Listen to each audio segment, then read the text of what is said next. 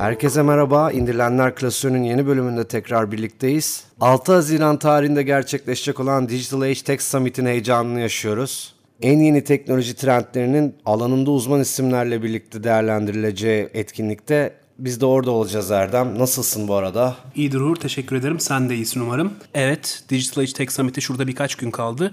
Onun heyecanıyla doluyuz. Tabii bir taraftan işlerimiz yoğun. Ama etkinliğin çok güzel bir şekilde gerçekleşeceğini düşünüyorum her yıl olduğu gibi.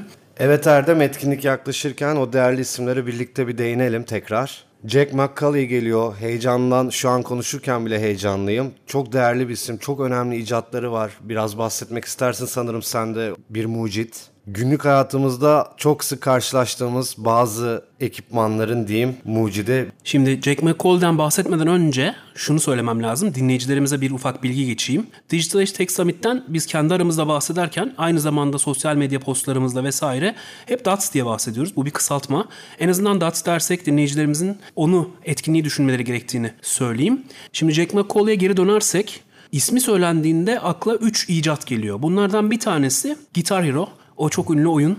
Hatta hala e, PlayStation kafelerde oynanan bir oyun. İkincisi Oculus adlı şirketin ürettiği sanal gerçeklik gözlüğü Oculus VR. Meta Oculus satın almıştı ve Horizon adını vermişti. Oradan aklımıza gelebilir. Üçüncüsü ise aslında her gün kullandığımız bir şey. Belki bunu söyleyince dinleyicilerimiz birazcık şaşıracaklar ama Hani mouse'larımızdaki scroll tuşu aslında sayfayı aşağı yukarı kaydırmakta, sağa sola oynatmakta kullandığımız o scroll tuşu Jack McCall'ın icadı. O yüzden tabii ki kendisinin İstanbul'a gelişi ve etkinlikte bizimle birlikte oluşu gayet heyecanlı bizim için. Yine Serdar Kuzuloğlu teknoloji denince akla gelen isimlerden biri. Onun da bizlerle olması çok heyecan verici olacak. Moderatörlük görevi üstlenecek belirli oturumlarda. Etkinlik programının tamamına digitalagesummit.com adresinden zaten ulaşabilirsiniz. Şimdi sen çok değerli isimlerden bahsettin. Mesela Serdar Kuzuloğlu dedin. İnternet ekipler amiri. Yıllarca Digital Age'de tabii yazılarına yer verdik. Ben de kendisiyle birkaç kez görüşme şansı buldum. Ee, Levent Hoca, Cem Hoca onlar da orada. Gülser Corat gelecek. UNESCO Cinsiyet Eşitliği Direktörlüğü yapan bir isim. Yanlı olmayan bir yapay zekanın olup olmayabileceği ile ilgili bir oturumda bizlerle birlikte olacak. Anders Inset var. O da bir e, filozof ve o da bizle, bizlerle olacak. Çok ilginç bir isim, ilginç öngörüleri var. Onları bize iletecek. Evet hatta son isimden devam edeyim. Anders Inset'in aynı zamanda imza etkinliği de olacak DATS'ta. Renkli ve aynı zamanda öğreten bir etkinlik olacak teknolojinin nabzının tutulduğu. Ve biz Erdem o gün orada seninle bir de yayın kaydedeceğiz. O güne özel. Bunun da müjdesini verelim. Değerli konuklarımız olacak. Tabii o gün bizim için birazcık yoğun olacak. Hem oturumlar hem de kaydedeceğimiz podcast bölümüyle ilgili olarak biraz hareketli bir gün olacak. Tabii çok da heyecanlı en yeni teknoloji trendlerini değerlendirdiğimiz indirilenler klasöründe Apple ile ilgili bir haber var gündemimizde. Kendi etkinliği olan Worldwide Developers Conference'ta yeni Mac'lerini, yeni karma gerçeklik ekipmanlarını ve hatta yeni işletim sistemlerini tanıtacak. Bu her yıl yapılan çok önemli bir etkinlik Apple adına ve Apple takipçileri adına, teknoloji tutkunları adına. Biz şu anda etkinliğin 5 Haziran'da gerçekleşeceğini biliyoruz. BVDC çok önemli bir etkinlik Apple için. Ekosistemin ne yöne genişleyeceğini görüyoruz. Hem yeni ürünlerle hem yeni yazılımlarla e, Apple her seferinde tabii kullanıcılarını şaşırtmayı başarıyor. Teknolojide pek çok alanda aslında öncü konumunda. O yüzden bu konferans çok önemli. Biz de tabii ki Digital Age'de VVDC haberlerine yer vereceğiz.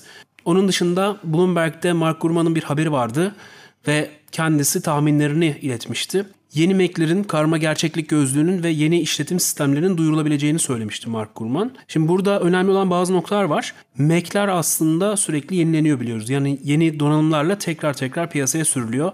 Belki isimler aynı kalıyor ama içerik değişiyor. Bu da tabii ki teknoloji sektörünü bayağı heyecanlandırıyor.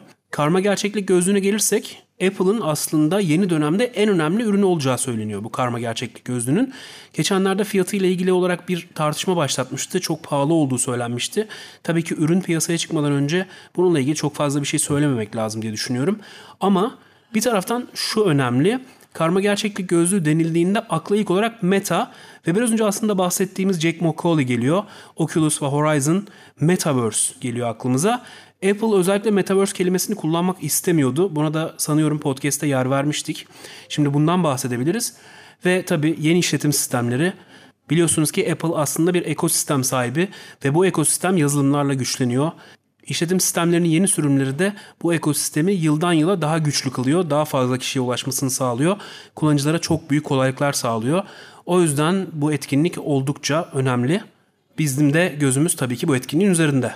Diğer bir gündemimiz WhatsApp'a gelen yeni özellikler Erdem. Biliyorsun yakın zamanda sohbet kilidi, geçici mesaj alma ve işte mesajı kısa süre içerisinde düzenleyebilme özelliklerinin yanında şimdi bir de kullanıcı adı gelmesi konusu var gündemde. Bu yeniliğin hem insanların bir handle gibi, bir nickname gibi birbirlerini bulmasını kolaylaştıracağı düşünülüyor. Bir de aynı zamanda gizlilik faktörünü de arttıracağı savunuluyor. Biliyorsun geçtiğimiz aylarda bir çalışma yaptık. YouTube handle getirmişti. Bu da biraz ona benziyor Erdem. Değindiğin YouTube'a handle gelmesi meselesi çok önemli. Çünkü kullanıcıları ve kanalları çok kolaylıkla bulmamızı sağlıyor. Ama WhatsApp'ta göreceğimiz kullanıcı adı meselesi daha çok Telegram'da gördüğümüz bir özellik. Çünkü biliyorsun Telegram'da da kullanıcı adlarıyla insanları ekleyip onlarla sohbet edebiliyoruz. Tabi bu numara vermeden bunu yapabiliyor olmamız bir gizlilik özelliği. WhatsApp'ta bunu görmüş olmalı. Çünkü Zaten sosyal medya ya da işte bu tür mesajlaşma uygulamaları birbirlerini takip edip birbirlerinin özelliklerini birbirine yani kendilerine entegre ediyorlar. Böyle söyleyebiliriz. Ama birazcık WhatsApp sosyal medyalaşıyor mu gibi bir soruya da eğilmek lazım sanırım. Çünkü sosyal medya platformlarında da çeşitli değişimleri gördük son dönemde. Ekşi Sözlüğün birkaç yıl oldu gerçi ama profillere fotoğraf eklenmesine izin vermesi Twitter'ın kişilerin kendilerini işte cep telefonu numarası vesaireyle doğrulayabilecekleri bir Twitter Blue aboneliğini sağlaması, Reddit kullanıcılarının bir kısmının kendi isimlerini kullanmaları vesaire gibi durumlar aslında sosyal medyanın birazcık daha anonimiteden uzaklaştığını gösteriyor. Ve bunlarla bizim yarın bir gün bir influencer'ı, bir önemli kişiyi, bir arkadaşımızı takip edebilecek olmamız belki de WhatsApp'ın sosyal medyalaştığını gösteriyor.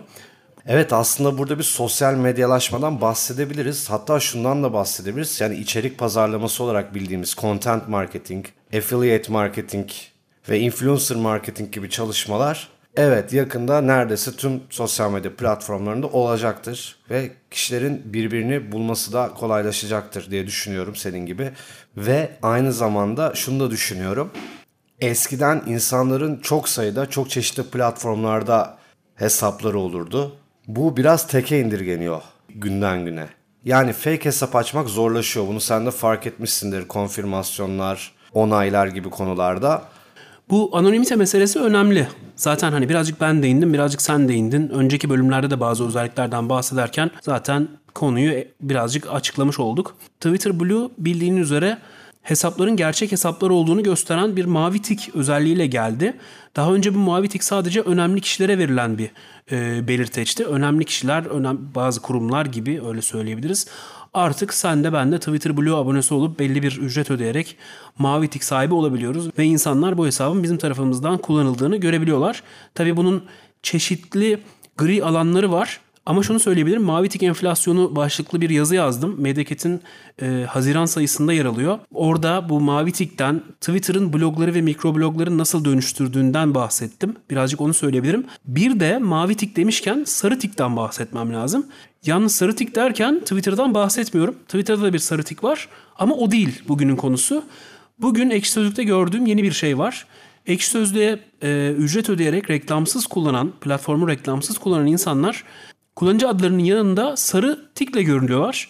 Bu da hani bilmiyorum nasıl bir fayda sağlıyor ama sonuçta böyle bir özellik sundu Ekşi Sözlük. Ne düşünüldü, nasıl böyle bir karara varıldı?